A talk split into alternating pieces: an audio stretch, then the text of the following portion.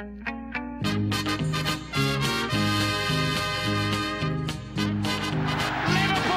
are champions of Europe again. Liverpool are prize winners again. Liverpool is in the record books.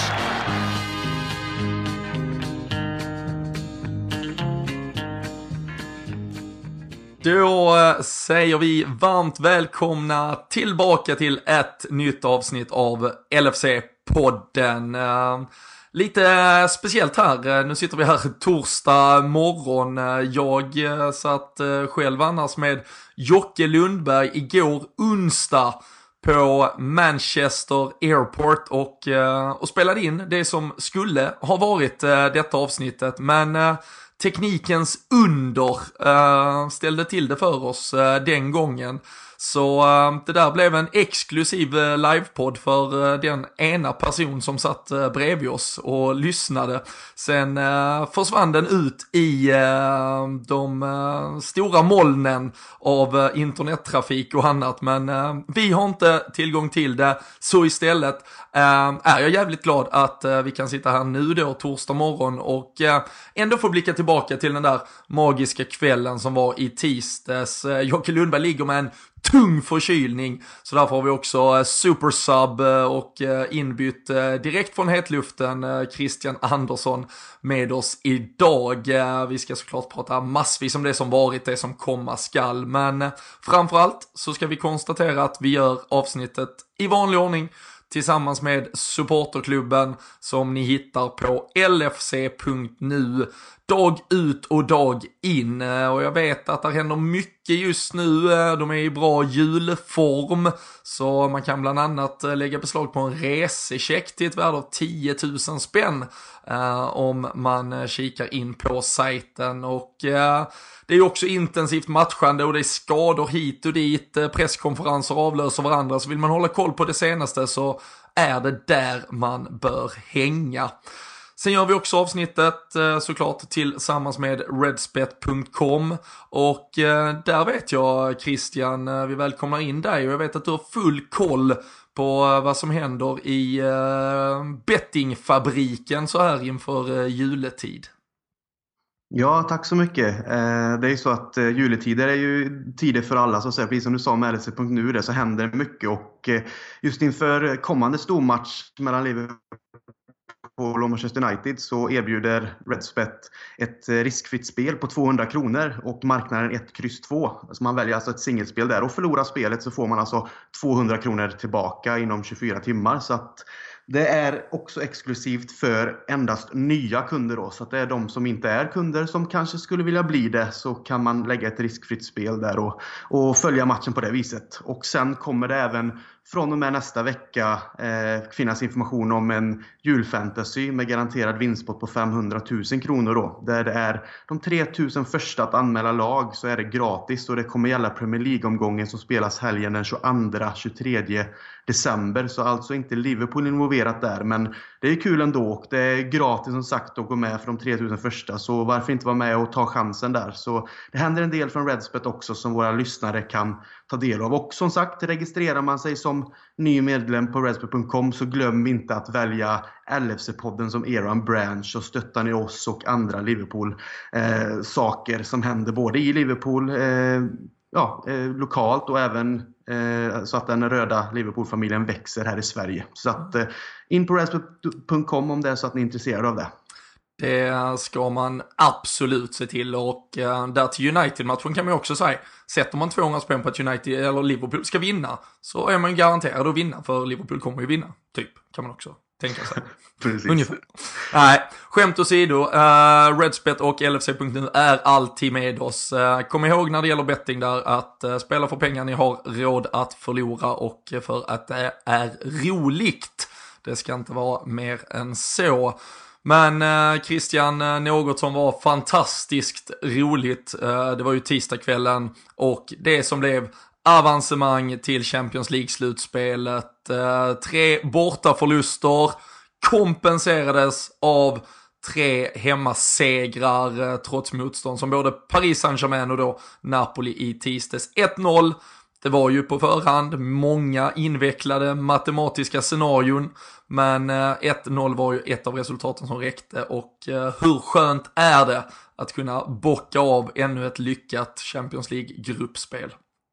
Ja, det är underbart faktiskt. Eftersom att det går så bra i Premier League så vill man ju inte vara sämre än att fortsätta i Champions League heller. Och det var ju som du sa, många olika scenarier som kunde hända och vad, vi visste ju alla egentligen vad, vi, vad som krävdes för att ta oss vidare. Men det är just det här att det är lite the Liverpool way att göra det, det svåra, på det svåra sättet. Och Eh, nu lyckades vi, så att, eh, absolut, men det var nervigt alltså. Det, även om, eh, och vi kommer komma in på det med matchen och allt hur det gick, så, så blir man ju alltid nervös i de här sammanhangen när man vet att det, det räcker att det här och det här sker, så är det egentligen förstört. Så eh, nej, det är underbart att vara igenom den här fasen och så blicka framåt mot eh, det som kommer sen under våren.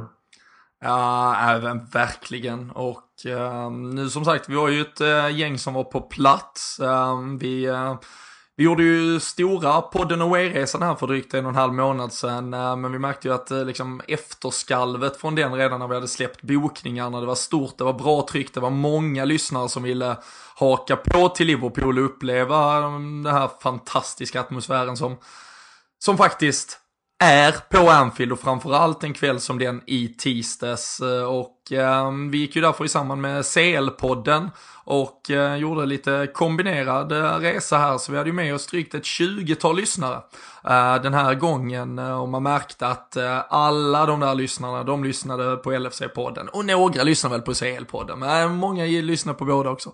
Men fantastiskt kul att återigen få den här chansen faktiskt att möta lyssnare och eh, var ju det var snack om eh, vem som hade lyssnat på podden längst. De påstod, någon påstod att de nog hade lyssnat på det första avsnittet. Eh, och eh, det ger fan en, en jävla kärlek att träffa liksom folket och få göra det tillsammans och inse att vi det är liksom inte bara en, en siffra som står på något statistikverktyg, att det finns folk som lyssnar, utan det sitter riktiga människor Christian och, och lyssnar på det här och det är för jävla kul att vi numera kan göra sådana här saker tillsammans med dem.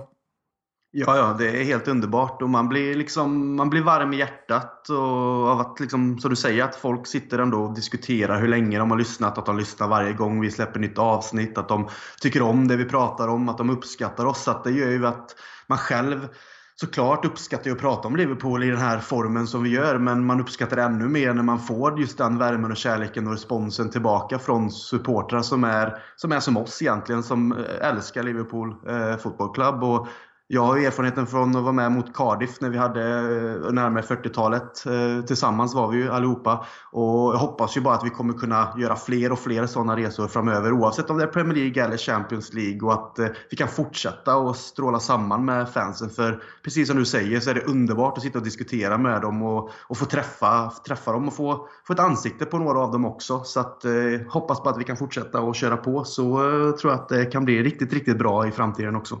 Ja, nej, verkligen. Det var en, eh, såklart framförallt en match då. Vi var faktiskt ett, eh, ett halv, halva gänget ungefär var, var faktiskt på lite uppvärmningsmatch. Eh, Everton-Watford på måndagskvällen. Det var, det var inte riktigt samma tryck som sen väntade på tisdagen. Men där var vi sen ute och käkade tillsammans, laddade upp tillsammans och hade framförallt fantastiska timmar på, på Descendon inför match. Där jag tror faktiskt att det var vi, ett 20-tal svenskar, som stod för eh, mycket av eh, trycket och sången. Eh, Därav en del sargade röster, men fantastiskt kul. Och då, då börjar man ju känna hur det bubblade i en. Och ehm, eh, vi har ju haft äran, både du och jag, att vara på plats vid stora matcher. Vi pratade för någon vecka sedan efter att du hade varit på på Burnley med, med all respekt hur vi ska mäta vad, vad som är vad och stort och stort. Men känslan just där dagen när det är match på kvällen. Man känner hur det bara surrar lite kring allting och känslan börjar byggas upp. Den är ju, den är ju obeskrivlig någonstans.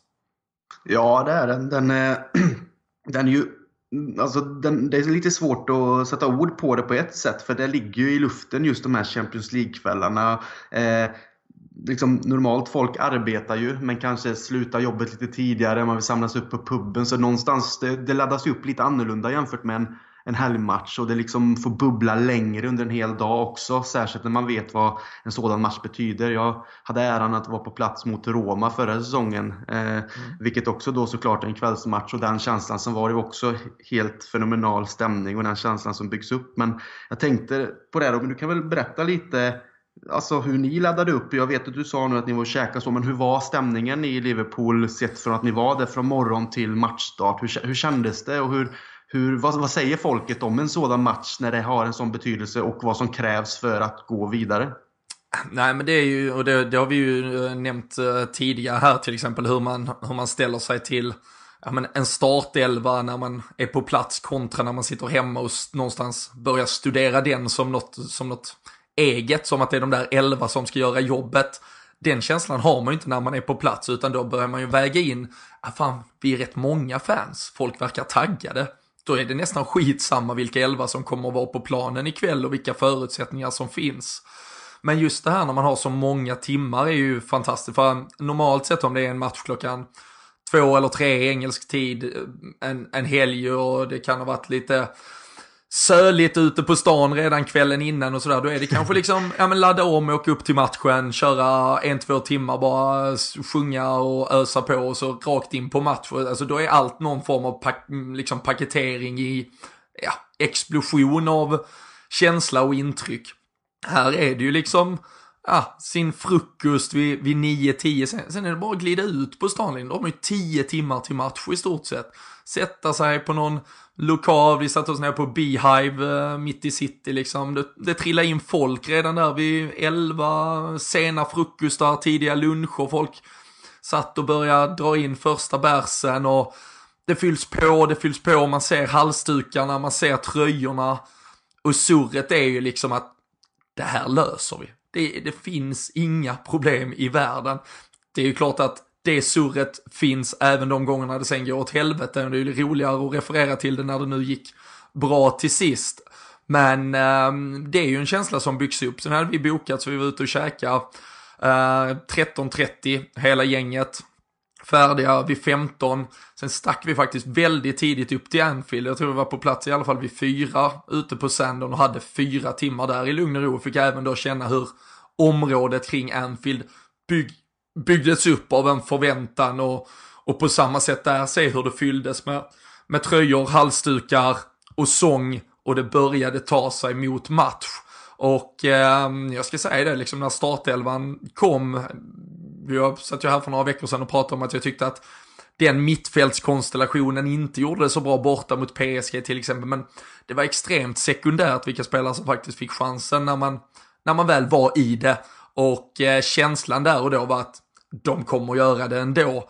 Eh, min senaste Europakväll var ju också precis som för din del Roma, om vi exkluderar finalen som var någon form av säregen upplevelse. Det var väldigt liknande känsla. Eh, att liksom, vi är ostoppbara här idag, det finns inte att vi inte gör det. Sen hade man väl då kanske önskat att det gav lite mer utdelning på planen och vi skapar ju chanserna till det. Men jag tycker vi spelar också på ett sätt, jag tycker att redan när i stort sett You Never Walk Alone överröstar Champions League-hymnen, när spelarna tar sina första löpningar efter att man har tagit lagfotot så känner man, här är något i luften, i benen på spelarna, i brösten på supportrarna och att det skulle kunna bli en helt fantastisk kväll. Ja, och det, på det sättet blev det också. Jag sa ju det innan här när vi inledde, just det här med nervositeten. Och jag kände väl egentligen under hela dagen ingen oro. Jag var själv såhär, ja men det här, vi löser det här. Utan det är sen för, mig, för min del då när jag sitter då framför TVn och ser matchen, då faller nervositeten på under matchen för då vet man ju plötsligt att ah, vi måste ju göra ett mål och uh, helst fler. Och den här känslan liksom att oh, det räcker att Napoli gör ett mål så sitter vi i ett svårt läge om vi inte redan har tryckt in ett par bollar kanske och gör det lättare för oss själva på det här sättet. Så att uh, vi måste äga den här matchen. Då kommer min nervositet in för helt plötsligt börjar jag tänka men hela vägen fram egentligen så under dagen så kände jag att ah, det här löser vi och det är lite det som du eh, beskriver med att folket på plats i Liverpool egentligen kände direkt från början med. Men hur var stämningen sen på Anfield efter You know, Walk Alone och den här stora anstormningen av känslor som försöks på något sätt smittas av från publiken till spelarna. Hur kändes det de första 10-15 minuterna? Även om du säger här att de första stegen ändå på något sätt antydde att vi, vi var där och skulle göra detta, men hur smög det sig in sen? Nej, ja, men jag tycker, nu har jag, eh, liksom, man har ju tagit intryck från, från då andra som har sett det på, på tv och man har ju någon form av nyktrare bild till i alla fall den spelmässiga fördelningen och sådär och att kanske Liverpool inte var så självklara inledningsvis, snarare kanske att vi växte in i det efter en 10-15 minuter och liksom tog någon form av taktpinne. Jag kände ett ganska ja, men ganska stort lugn till det. Uh, var ganska glad också att Napoli verkar vara beredda på att spela liksom en, en fotbollsmatch mot oss. Um, och inte valde att liksom uh, sätta sig i fullständigt försvar utan var en ganska öppen inledning och uh, kändes ganska lågt, tyckte det liksom, man började se mönsterna som fungerade med med Robertson och Trent på sina kanter eh, och eh, att vi kunde utnyttja alla tre offensivt eh, i den där trion, i alla fall i uppspelsfaser och så vidare och att Salah ganska tidigt visade att han, han nog var på ganska bra humör här. Han hade ju såklart Bournemouth-matchen och, och bygga vidare på. Så, så känslan var jäkligt bra och jag upplevde det och många med mig tror jag som var på plats upplevde det. Vi hade ungefär halva gänget var på dekopp, halva gänget var på ena långsidan och långsidan stod hela matchen. Vi hade, någon, vi hade en, så han hade sin egen biljett, så han var på Anfield Road End. Eh, där stod man upp eh, hela matchen från den sidan och liksom så i stort sett hela Anfield var ju med och var beredda på att göra sitt eh, för att det här skulle bli något bra och eh, min känsla var att det byggdes upp en jävla bra atmosfär. Jag vet inte om den gick igenom rutan. Eh, uh, har sett lite blandade reaktioner på om det var så bra eller inte. Uh, men det är också liksom, det är ju inte alla sånger som är allé, allé, allé och man bara studsar och skriker utan det är ju liksom, uh, vet ju du som har stått här uh, år ut och år in att det kan sjungas Porscouse och Tommy i lite lugn och ro för att bara visa att vi är här och det är kanske inte något som exploderar i tv-rutan direkt.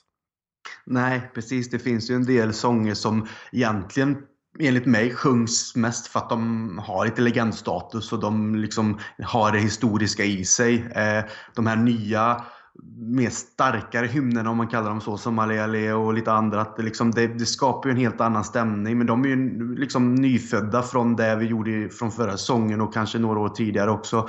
Eh, så det är klart att det blandas ju. Men jag tyckte att det var lite blandat genom TVn med och det brukar det väl vara oavsett om det är jättesuperbra stämning som jag tar för givet att det var på plats. Mm. För som sagt, jag fick uppleva Roma förra säsongen. Det är en av de bästa eh, matcherna stämnings mässigt sett som jag har varit på också. Just för att det blev den målkavakaden och den känslan som det betydde. Liksom. Eh, men annars tycker jag ändå genom TVn att det, det framgick att publiken var med och skulle hjälpa spelarna att, att lösa, lösa den här matchen helt enkelt. Så att, eh, eh nej, inga konstigheter där egentligen. Sen tänkte jag att vi kan fortsätta där med hur gick suset genom publiken när van Dijks mm. tackling på Mertens där? För först Först tyckte jag genom tv-rutan att det är en klockren tackling ja, på boll. Vilket, vilket, det är såklart, men eh, när man ser reprisen sen så han träffar ju med utsträckt ben otroligt hårt. Alltså det är tur ja. att inte benet går, men hur kändes det på plats? Nej, men det ska jag säga, alltså det var ju, det var ju rätt mycket sur redan inför kring eh, Dries Mertens eh, hade ju varit ute i i media och pratat om att uh, Anfield inte, inte alls är något uh, speciellt. Han hade ju varit här med Utrecht i Europa League 2010 och liksom han hade hört talas om att det skulle finnas någon This is Anfield-skylt som han inte ens hade sett för den var så liten och liksom äh, försökte brösta upp sig så, så när tackling... Ja, men när, ja, precis. När tacklingen väl sitter och den upplevs faktiskt som klockren även från, från Dekob. Vi har den rakt framför oss egentligen. Liksom, i, mm. ja, vi försvarar ju mot den läktaren när, när han gör den här tacklingen och den, den känns helt klockren. Och domarens första, huvuddomarens första reaktion är ju spela vidare. Sen får mm. han antingen av, av något videogäng eller om det är av femtedomare eller assisterande att äh, det där var nog lite för hårt. Um, och jag tror liksom i kombinationen, jag tror hade domaren själv blåst direkt och sen bara fått hjälp av vad ska jag ha för färg på kortet, då hade det nog kunnat bli ett rött. Men när, när liksom vågskålen är att domaren tänker släppa den helt, sen bara får inputen utifrån, då tror jag inte han vågar gå på, ja, men alltså någon annans åsikt att dra fram ett rött kort. Så därför, därför blir det ett gult, men alltså publiken var ju i upprorsstil, vi tyckte det var helt sinnessjukt att han ska få ett gult kort. Mm. Um, så man hade ju instinktivt där och då gjorde men sen i halvtid började man räkna ut, då förstod vi att van Dijk även kommer avstängd i, i första slutspelsmatchen och så liksom man bara fan, vi har blivit blåsta på det här liksom. Sen eh, konstaterar man väl att det kanske skulle ha varit ett eh, rött kort, eller det skulle ha varit ett rött kort, eh, tycker jag i alla fall, som, eh, om jag ska ta på mig någon objektiv hatt i frågan. Men någonstans, ja, Verratti skulle haft ett rött mot Joe Gomez i Paris för några veckor sedan. Och det, det, har vi ju pratat om även med offside-situationer och det var ju ett liknande i Bournemouth-matchen här där, där Salah är offside och vi hade mot Arsenal där vi blev bortdömda. Det, det, är väl något givande och tagande eh, och eh, någonstans tycker jag väl att domaren sen genomgående var ganska dålig och inte hade full koll på den här matchen. Så jag, jag kan väl inte vara Även i objektivt läge kan jag liksom inte tycka att det är fullständigt ja, skandalöst att han missar just den eh, eftersom han faktiskt gör rätt mycket dåliga insatser rakt igenom i hela matchen. Ja, jag håller med. Jag tyckte heller inte att domaren direkt eh, upplevde, eh, eller förlåt, uppfyllde de kraven som, som man kanske kan ha när det är en sån här match. Jag tyckte han var fel in i situationen med. Det var konstiga frisparkar när det kändes som att det var Eh, liksom ja, han, kunde, han, han, släppte fördel när han kunde blåst och han blåste när han borde släppt. Sen hade det... han ju på förhand liksom fyra, han har dömt för Liverpool fyra gånger tidigare, fyra förluster för Liverpool. Så det, det fanns ju något surr kring det på arenan, liksom, det vet du själv också hur snabbt Scousers ja, beklagar sig över att uh, vi är utsatta och utdömda på förhand liksom. Så det, uh, det, var inte, det var inte muntert från läktarhåll mot Skomina ska sägas. Nej, men jag tyckte också det var konstigt i vissa situationer faktiskt. Och just när det kommer till van Dijks tackling med så är ju min också som sagt första reaktion att det är en sån här supertackling. Så jag nästan ställer mig upp i soffan och, liksom och skriker för att det är den här pondustacklingen mm. man nästan vill se en sån mittback göra som visar att nej, nej, det här kommer inte fram liksom. Sen ser man ju då reprisbilderna och jag tänkte först, ja, ja eh, gult kort, fine. Men sen som sagt, ju mer det får sjunka in så blir man mer så här, åh, tur att det inte blir ett rött kort. För det är ett rött kort i mina ögon också. Det är eh, en riktigt hård tackling på det här sättet. Men med det sagt så är jag en av dem som på något sätt saknar kanske Premier League som det var för 15-20 år sedan. Även om det är relativt länge sedan nu. Så det här, jag säger inte att en tackling ska på något sätt gå in för skada. Men det här med att man kommer på boll först och att det sen kan uppstå en situation som inte direkt är fin kanske. Men just att en sån tackling för mig är en riktig tackling. Men eh, alltså problemet, det enda reglerna problemet här är annorlunda liksom. Ja, det enda problemet är, för min del här är ju att det är med Sula och att Sulan fortsätter alltså upp från marken. Det är en sak om man tacklar med fot, alltså någon form av rak fot, drar bollen och foten glider längs marken och klipper spelaren. Här klipper han spelaren sen också i, ja, ändå 2-3 decimeter upp i luften. Um, så det är ju en sån där, sitter han fast med dobbarna i gräset när han får den så mm. då, hade, då hade till och med karman kanske varit lite, lite, lite väl fylld i den andra vågskålen för Dries Mertens. Men um, vi, vi tackar, vi vi är ju inte liksom uh, domaranalytiker utan supportrar och uh, då får vi ju tycka vad vi vill och vi tyckte det var trevligt att så blev utfallet uh, där helt enkelt. Tycker ju faktiskt också, om vi, om vi snabbspolar lite, att eh, Salah ska ha en straff i andra halvlek eh, trots att han väljer att stå upp. Men eh, lägger han sig ner så tror jag han får straff när han är igenom och får en liksom ett eh, ja, ben mot sig. Eh, men det har vi också diskuterat väldigt mycket i den här podden att tyvärr eh, tvingar domarna spelarna kanske ibland att, att då lägga sig lite lätt för man får ju inte det med sig ifall man står upp. Så um, nej. Jag, jag fick ett eh, sms från en nära vän som, eh, och det kan man ju tycka vad man vill om sådana situationer och hur man ska agera så, men han, han skrev det direkt liksom, fan sluta vara så jävla ärlig, lägg det ner bara. Mm. För att han sa ju det liksom att då får du straffen. Nej, så det liksom att, det men det kan man ju tycka antingen eller att man ska vara gentlemannamässig och, och spela och inte försöka lägga sig ner och fuska eller nej. att man utnyttjar situationen då. Nej, det är helt alltså, det är ju fantastiskt att Salah gör som han gör, men när man då märker att äh, det här blev ju ingen bra fördel av att han försökte vara ärlig, då måste ju domaren ändå våga gå in och ta straffen. Uh, men uh, det, det gör de tyvärr inte och då, då blir det någon liksom höna-ägg-grej här var vad ska Precis. vi börja med? Uh, att spelarna inte lägger sig eller att domarna faktiskt dömer fast att de inte lägger sig, helt enkelt. Yes. Så äh, 1-0 äh, kom ju. Äh, fantastisk vändning framförallt av, av Salah först. En äh, Koulibaly som i övrigt var eh, briljant upplevdes det från Anfield i, i alla fall. Och jag tror efter att ha följt sociala medier och vi, vi kommer väl in på en, en uppstådd eh, mittbacksituation. Så är det många som säger att vi ska värva monstret från Napoli, men han blev ju eh, lite bortsprungen eh, inför 1-0 målet och eh, det var ju det vi sen tog med oss till eh, paus. Eh, hur, hur kände du i paus? Vad var dina tankar kring liksom, hur Liverpool skulle approacha andra halvlek när man nu hade 1-0?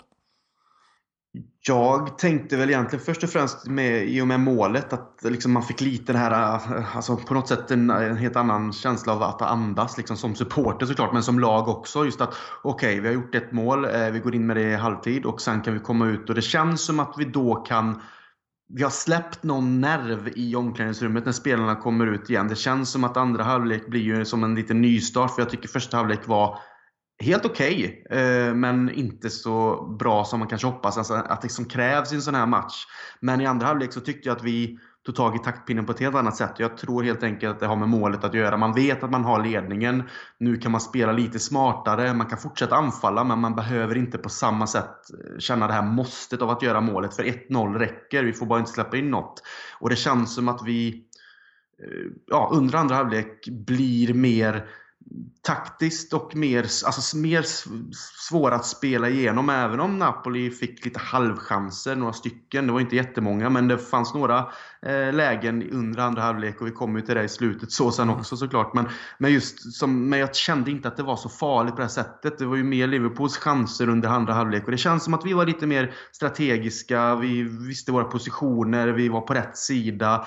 Eh, ja, så att just känslan var att de var lugnare och visste vad jobbet eh, liksom gick ut på. Det var att vinna helt enkelt. Så att, ja, jag, eh, jag, jag, håller med. Jag var, jag var extremt uh, imponerad. För jag trodde kanske, eller liksom att det ändå fanns någon liten risk att vi kanske skulle stå fem meter djupare än vad vi gjorde i andra halvlek. Alltså på 1-0 räckte ju så att säga. Och det var ju en svår balansgång. För även om vi hade gjort 2-0 så förändrade det ju inget. För både, både 1-1 eller 2-1 hade ju tagit Napoli vidare sen. Så om vi ledde med 1-0 eller 2-0 var ju någonstans inte så jätteviktigt. Uh, men, men jag tycker att sättet Liverpool hanterade första kvart 20 i andra på uh, var liksom bland det mer taktiskt imponerande jag har sett från Liverpool på, på väldigt länge och jag, man märkte ju att Napoli de byter ju sönder sig själva nästan första, ja, de har väl gjort alla tre bytena innan 65 tror jag i stort för jag tror inte Ancelotti var beredd på vad som jag tror han förväntade sig att få lite kontroll på matchen i andra halvlek på ett sätt som de absolut inte fick. Började famla efter byten och efter nya positioner och kom inte riktigt in i matchen. Sen som sagt, vi, vi, vi, kan prata om de sista minuterna. Det är ju den här, ja, men en panikattack och liksom långa bollar och eh, frustration och passion som, som någonstans skapar lite. Men i det öppna spelet, eh, den taktiska matchen över 93,5 minut så, så tycker jag att Klopp faktiskt outsmartar eh, Ancelotti i stort sett rakt igenom. Och eh, jag tycker också för att återkoppla till liksom, ja, laguppställningen, de taktiska val Klopp gör idag, så, så får ju detta någonstans ses som ett bevis på alltså, hur han har hanterat spelet och vår trupp under två veckor här där vi hade Burnley borta, eller vi hade derbyt först, vi hade Burnley borta, vi hade Bournemouth här.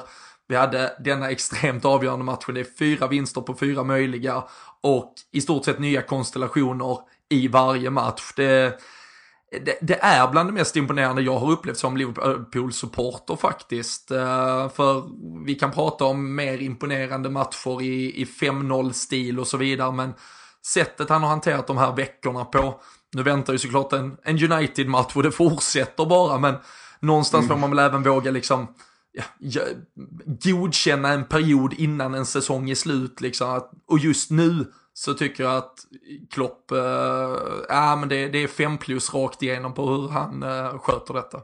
Ja, men verkligen. Jag håller med dig. Det har varit superbra eh, just taktiskt sett de senaste matcherna och sett till det intensiva matchandet som varit och som kommer så får vi hoppas på att det fortsätter så. Så att Klopp ska ha all eloge för det han har gjort med det här laget och de konstellationer han har använt sig av. Så att nu kör vi mot eh, United istället. Hoppas att det löser sig där med.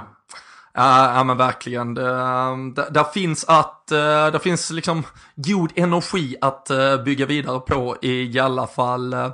Sen äh, får vi väl trots allt någonstans avsluta den där fantastiska Napoli-matchen med äh, det som i stort sett var matchens äh, sista situation också och som, som väl hör lite till en majestätisk Europakväll på Anfield. taxichaufförerna då efter matchen, dagen efter, alla runt omkring, man pratar om eh, påminnelsen av eh, 2005 eh, när vi hade Chelsea i Champions League semifinal. Vi hade gjort eh, 1-0 ganska tidigt den gången också. Eh, och eh, sen så har Edo Gudjonsen en helt sinnessjuk chans till att skicka ut Liverpool i ja vad är det, det är också 90 plus i alla fall. Eh, den gången krävdes ingen målvaktsinsats, men denna gången fick vi en målvaktshjälte lite likt Jerzy Dudek i Istanbul i stort sett.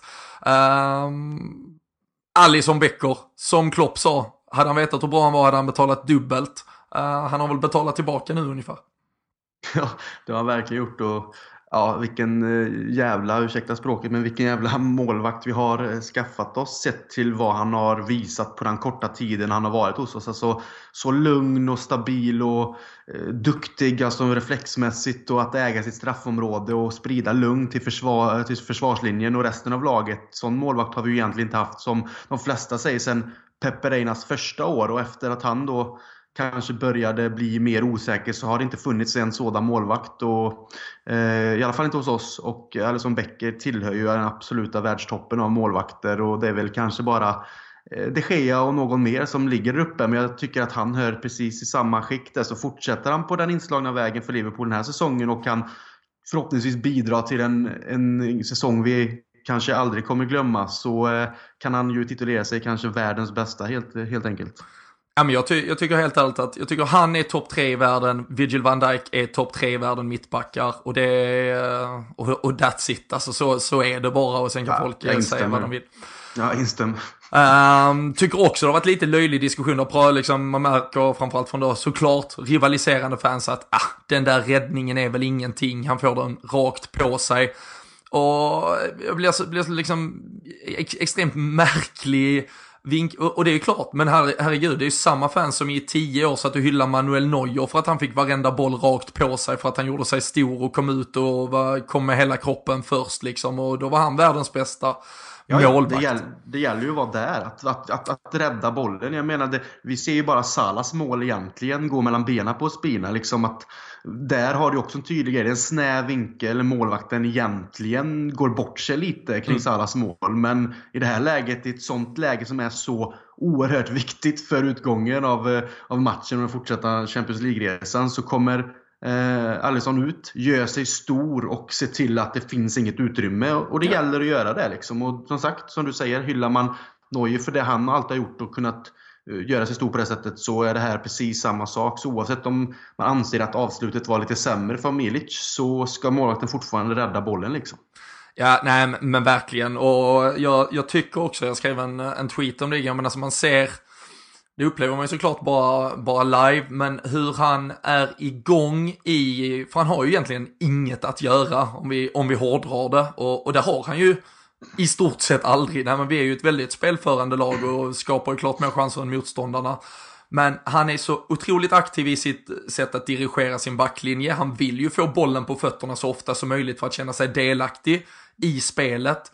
Han är också igång rent fysiskt, alltså liksom han, han hoppar, han springer, han stretchar, han ser till att han hela tiden är inne i matchen.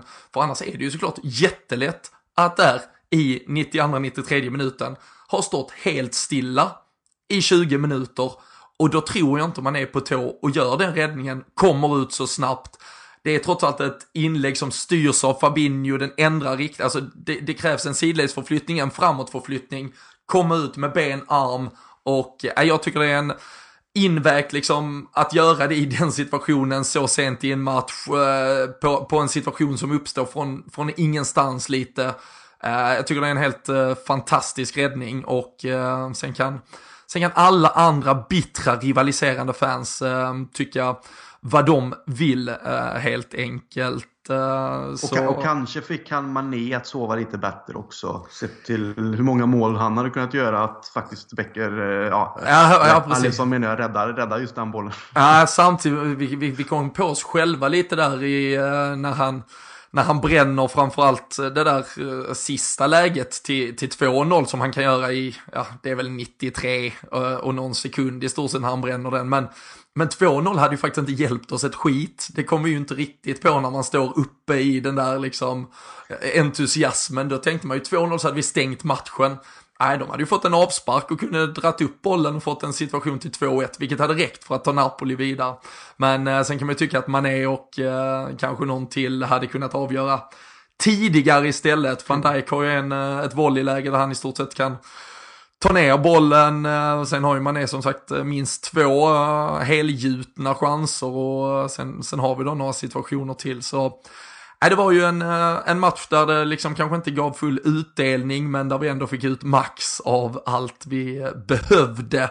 Så uh, nu kan vi stänga igen ännu ett uh, Champions League-gruppspel som uh, likt förra året, om än att då var det med 7-0 mot Spartak Moskva, avgörs ändå i sista omgången och nu är vi vidare, dock som grupp tvåa ska ju sägas, så det kommer ju förhoppningsvis, eller troligtvis eh, av allt att döma, vänta lite tuffare motstånd i slutspelet än vad vi kanske annars eh, hade eh, hoppats på. Och har man mot förmodan missat vad som gäller så är det ju lottning på måndag kring hur det här slutspelet ska inledas. Sen är det matcher, första mötet i mitten av februari och returen sen i början, mitten av mars. Och Liverpool kommer ju då som osidat eftersom vi kommer in som tvåa här, få börja på hemmaplan, så det blir hemmamatch i februari. Och sen avgörs det då borta i mars och eh, vi kan ju inte få PSG eftersom de kom ifrån vår grupp. Och vi kan inte få Manchester City eftersom det är nationsspärr även i första omgången. Så det är Borussia Dortmund, Barcelona, Porto, Bayern München, Real Madrid och Juventus som eh, kan stå för motståndet. Och det, Ja, det är ju inget, det är, det är inget jävla gottebord det där Krille man, man väljer. Nej, det är varenda lag egentligen där eh, får ju en att bli lite så här, hmm, det här kommer inte bli lätt. Det är väl Porto som man någonstans ja. med all respekt känner att okej, okay, det kan jag plocka direkt. Men någonting i mig säger att jag hade velat ge Real Madrid, alltså ta revansch på dem direkt egentligen och sparka ut dem från Champions League med dunder och brak. Men alltså man måste slå alla för att gå vidare och kunna vinna det. Så att egentligen vad lotten säger, jag struntar i det. Utan jag vill bara att vi tar oss an motståndet på det sättet vi kan i de här stora sammanhangen och gör allt möjligt för att ta oss vidare helt enkelt. Ja. Äh, jag, jag håller med och vi, vi kommer såklart återkomma i, i avsnittet på måndag när, när faktiskt lotten har fallit eh, kring att diskutera mer om detta här. Eh, vi, vi, kan, vi kan tweeta ut eh, lite tabeller, det finns ju faktiskt just på grund av de här nationsspärrarna och vissa lag får inte spelas hemma samtidigt. Och så, alltså, det finns faktiskt lite ändå procentuell fördel fram och tillbaka kring vem man kommer att att få det är liksom inte egentligen en helt öppen lottning. Um, så jag kan bara liksom pinga ut att det faktiskt är fördel att vi ska få Dortmund. Det är baserat på två miljoner simuleringar av lottdragningen inräknat alla de här spärrarna som finns så är det ehm, 17,6% att eh, vi får, eh, uh, 17,5% chans eller risk att vi får Dortmund. Ehm, lägst är faktiskt just Porto. Ehm, så även om det vore drömmen så är det alltså på förhand svårast att så blir fallet. Men vi, vi ser vad lotten väl ger för resultat här om några dagar och så återkommer vi till det när vi, när vi såklart också pratar ner Manchester United-matchen. Vi, eh, vi kommer inte ta så mycket uppsnack kring den, eh, det har varit så extremt mycket här kring kring allt annat. Eh, det vi konstaterar då Christian, det är att Joe Gomez sedan tidigare är skadad. Eh, och vi gratulerar honom och klubben till ett nytt kontrakt såklart. Eh, men tyvärr då att Joel Matip nu också är skadad och sätter ju lite press på Dejan Lovren och Virgil van Dijk att eh, hålla ihop detta i eh, 6-7 veckor på egen hand. Men eh, kort bara din känsla kring eh, Manchester United-matchen och det är så svårt att ens liksom börja laborera med spelare in och ut med tanke på allt som, ja, allt matchande som är just nu.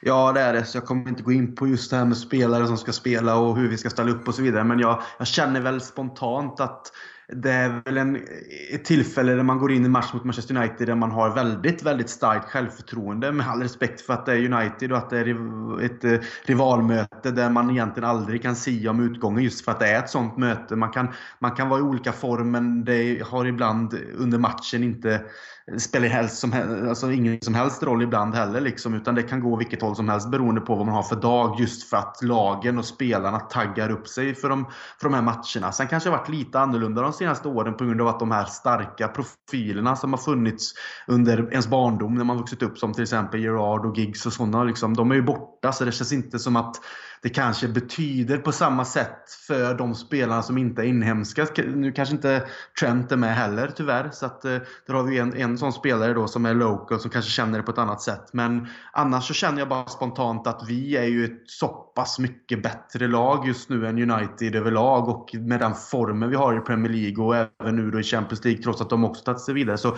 känner jag att sett över planen så på hemmaplan på Anfield så fan vi ska vinna mot United och det ska inte vara så jävla svårt faktiskt, enligt mig. Nej, uh, det, det, enda man ju tyvärr vet är ju att, uh, för jag tror faktiskt att de flesta Manchester United-fansen hade hoppats på att i en säsong som nu går så jävla dåligt för dem så att hade man kanske i alla fall satt, ja men låt oss åka till Anfield och liksom där någonstans växa ut, eh, våga ta oss an matchen, visa att vi inte räds Liverpool. Men tyvärr mm. så tror jag att man, liksom, José Mourinho är så jävla inskränkt i sin lilla eh, tragiskt defensiva hjärna att han, han skiter fullständigt i vad fansen vill eller förväntar sig utan han kommer åka cyniskt så in i helvete till Anfield, försöka tråka ner det i 90 minuter, 0-0 och kanske sen slänga in Morane Fellaini för att försöka göra något liksom. Och eh, det värsta är att det öppnar rent liksom ur en procentuell fördelning kring om United ska vinna matchen eller inte så, så är det kanske dock det bästa för dem. Uh, vilket uh, såklart stör en lite. Men, eh, men liksom drömscenariot är ju att uh, Mourinho kommer dit för att göra det till en riktigt tråkig tillställning och vi fullständigt klarar av att köra över dem. Vi har haft jä jäkligt svårt med det och det får man ju erkänna att Mourinho vid ett par tillfällen har outsmartat oss. Eh, han gjorde ju det jättebra med hur han eh, disponerade Lukaku och Rashford mot oss. Eh, det var väl förra säsongen när liksom Lukaku vann nickdueller mot Lovren och Rashford sprang in bakom Trent och så vidare. Och jag hoppas verkligen att Liverpool växlar upp det ett steg här mot dem nu och att vi får trycka dit dem ordentligt. Det, det hade varit otroligt skönt och så kommer vi såklart eh, plocka ner den matchen i molekyler eh, när vi hörs här eh, nästa vecka. Men Missa nu inte att vi har eh, uh, Redspet uh, eh, med, med lite specialare inför helgen. Uh, ni kan tippa om ni inte är medlemmar än så kan ni bli det och tagga er till LFC-podden så har ni 200 spänn riskfritt spel på den här matchen då. Ett kryss eller två. förlorar man spelet där så återbetalas de där 200 kronorna. Gäller alltså nya spelare och så har vi såklart tipstävling på Sam Dodds eller via Sam Dodds på vår Twitter-sida där man kan lägga beslag på något schysst. Ehm, det är bara att hålla utkik framåt matchdagen så ser ni vad som gäller. Men eh, med de orden Krille så tycker jag att vi stänger ner denna torsdag morgonen och eh, tar tag i våra liv lite va. Och eh, önskar alla lyssnare en, en härlig avslutning på denna vecka. Det gör vi, tycker det låter super. Underbart. Tack för att ni har lyssnat och ha det så bra.